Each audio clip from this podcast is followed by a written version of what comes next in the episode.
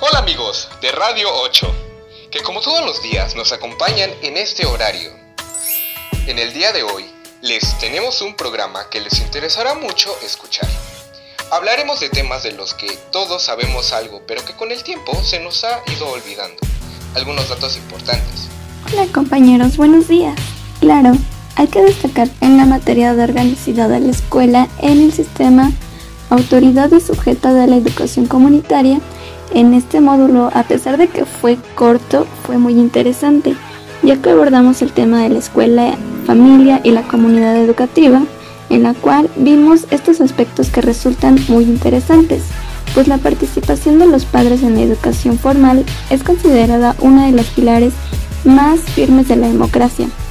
Al igual que la familia, el profesorado y el alumnado forman en conjunto una institución escolar que nos permiten en el aspecto cultural especificar y construir una comunidad educativa en torno a la cultura determinada que pueda dificultar mm, la organicidad eficaz de las interacciones que nos conduzcan a las consecuencias de los fines comunes, pues la familia, tanto padres como madres, pueden participar en la vida escolar cooperando en sus actividades y ejerciendo funciones de gestión siempre y cuando en colaboración con el resto de la comunidad educativa.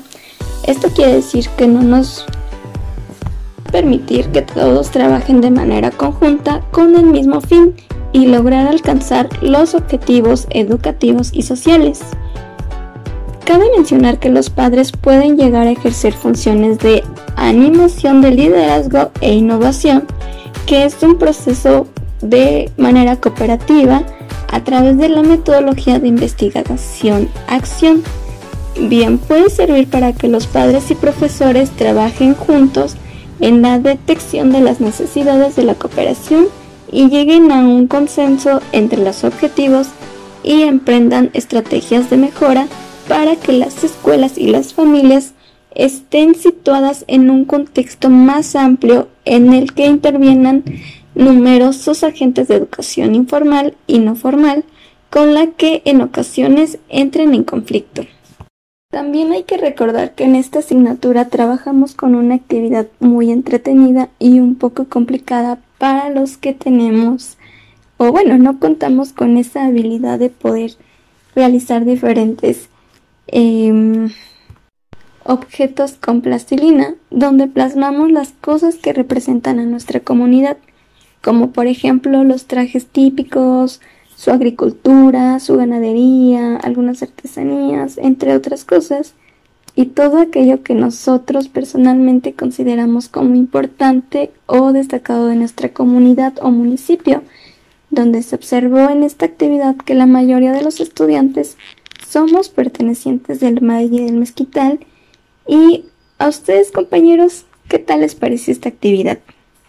Otra de las cosas y uno de los temas que también destacaron en este módulo es sobre la cultura escolar en el siglo XX, en los encuentros y desencuentros, pues hay que recordar que la cultura escolar es considerada como un conjunto de teorías, normas y prácticas que se materializan en los módulos del pensar y actuar que proporcionan estrategias y pautas para organizar y llevar la clase e intercultural para los compañeros y otros miembros de la comunidad educativa e integrarse en la vida cotidiana del centro docente.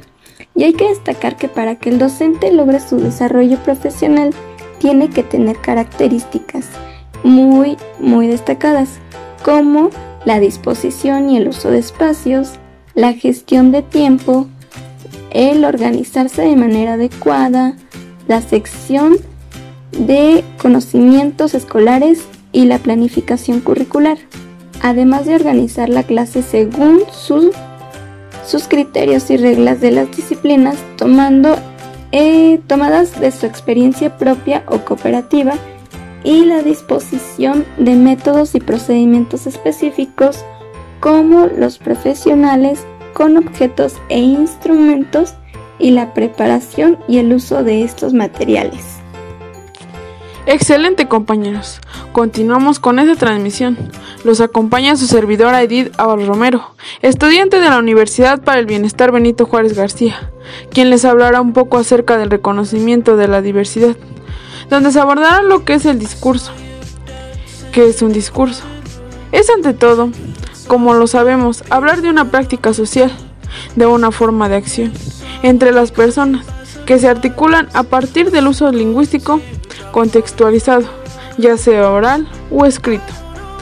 Bueno, en general, la participación activa de la ciudadanía en la vida social se considera hoy uno de los pilares más firmes de la democracia y la aplicación de estos principios en la educación suponen, entre otras estrategias, la convergencia de los escenarios de la educación y el entorno de la responsabilidad en la toma de decisiones, es decir, estos espacios de socialización y educación pueden concebirse como subsistemas que se sitúan en un entramado más amplio de las relaciones sistemáticas. Pero bueno, pasaremos a un tema súper importante, en el reconocimiento de la diversidad.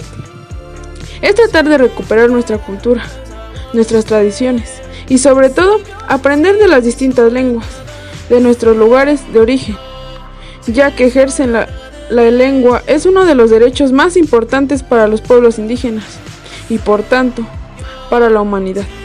La lengua es cultura y proyecta una cosmovisión, una forma de ver el mundo, de vincularse con otros y por tanto, si dejamos al olvido nuestra lengua materna, desaparecerían nuestras memorias y cultura de nuestros pueblos. Hola amigos, soy Laura Cruz y sean bienvenidos a su sección Enseñanza de la Ciencia. Para el día de hoy, preparé algunos datos que espero les resulten interesantes. Ahora bien, sabemos que en el mundo ocurren miles de procesos y se necesita realizar experimentos para identificar y especificar los procesos que ocurren en la naturaleza. El experimento del día de hoy es realizar un termómetro ambiental casero, con material reciclado y sin riesgos. ¿Estás listo?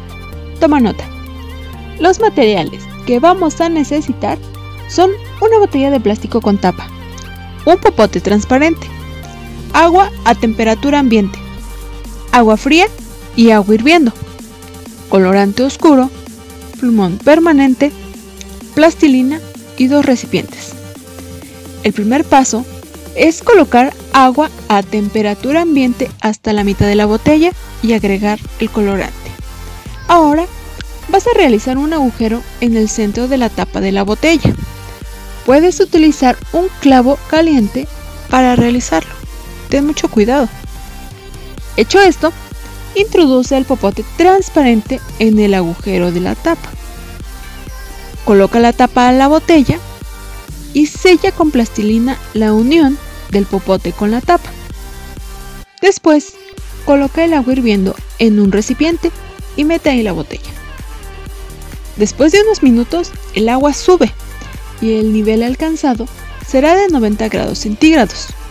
Con ayuda del plumón, realiza la marca correspondiente. Ahora, coloca agua fría en el otro recipiente y mete la botella. Después de unos segundos, nuestro termómetro marcará los 0 grados centígrados y es momento de realizar la marca adecuada en la botella. El punto medio entre las dos marcas serán los 45 grados centígrados y también deberás marcarlos en la botella. Es así como podemos ir midiendo la temperatura del ambiente. Este termómetro lo puedes colocar en la ventana de tu casa y saber la temperatura de afuera. ¿Sabías que la tabla periódica cumplió 150 años en 2019? y las Naciones Unidas declararon al 2019 como el Año Internacional de la Tabla Periódica. La tabla periódica es un cuadro que presenta todos los elementos químicos que existen ordenados según sus propiedades físicas. Fue diseñada en 1869 por el químico ruso Dmitry Mendeleev, que presentó su sistema de ordenación de los elementos y ahora se ha convertido en un ícono de la ciencia y la cultura. Actualmente, la tabla periódica se compone de 118 elementos distribuidos en 7 filas horizontales llamadas periodos y 18 columnas verticales conocidas como grupos. De modo que los elementos que pertenecen al mismo grupo tienen propiedades similares.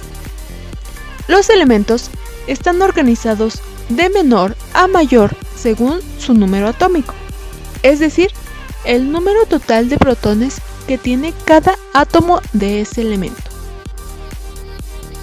Cada casilla de la tabla periódica corresponde a un elemento químico con propiedades determinadas. En dicha casilla se especifica su nombre, el símbolo químico del elemento y su número atómico. Querida audiencia, es un privilegio el poder compartir hoy acerca del tema de las lenguas originarias y el impacto de la lengua náhuatl. Como ya saben, mi nombre es Sayana Zenet Sánchez Alfaro y a continuación vamos a abordar este tema tan interesante. Para ello profundizaré acerca de los investigadores del pensamiento náhuatl. ¿Sabían que son 15 grandes investigadores de los cuales sus estudios han sido algo clave para conocer más acerca de la lengua, origen de los pueblos nativos, su cosmovisión, mitología e incluso todo esto ha contribuido a la historia de México y algo significativo es el valor y sentido acerca del náhuatl. Es muy interesante estos temas ya que nos muestran más acerca de nuestras raíces como mexicanos y tomar en cuenta toda la riqueza de cultura que tenemos. Por otra parte, Desafortunadamente, las lenguas originarias y sus hablantes han estado en desventaja desde tiempos históricos. La discriminación contra los pueblos ha afectado su punto de vista cultural. Como resultado, muchas comunidades indígenas en México tienden a renunciar a su idioma y a adoptar el español. Es triste que muchas lenguas están desapareciendo. Esto significa que muchas cosmovisiones, valores y tradiciones también se están desapareciendo día a día. Por ello, para finalizar el tema, creo que los futuros docentes tienen un papel importante que jugar para lograr este objetivo, haciendo contribución significativa para cambiar las percepciones negativas sobre la diversidad lingüística y cultural. Las lenguas pueden revitalizarse y recibir el estatus y el reconocimiento que merecen.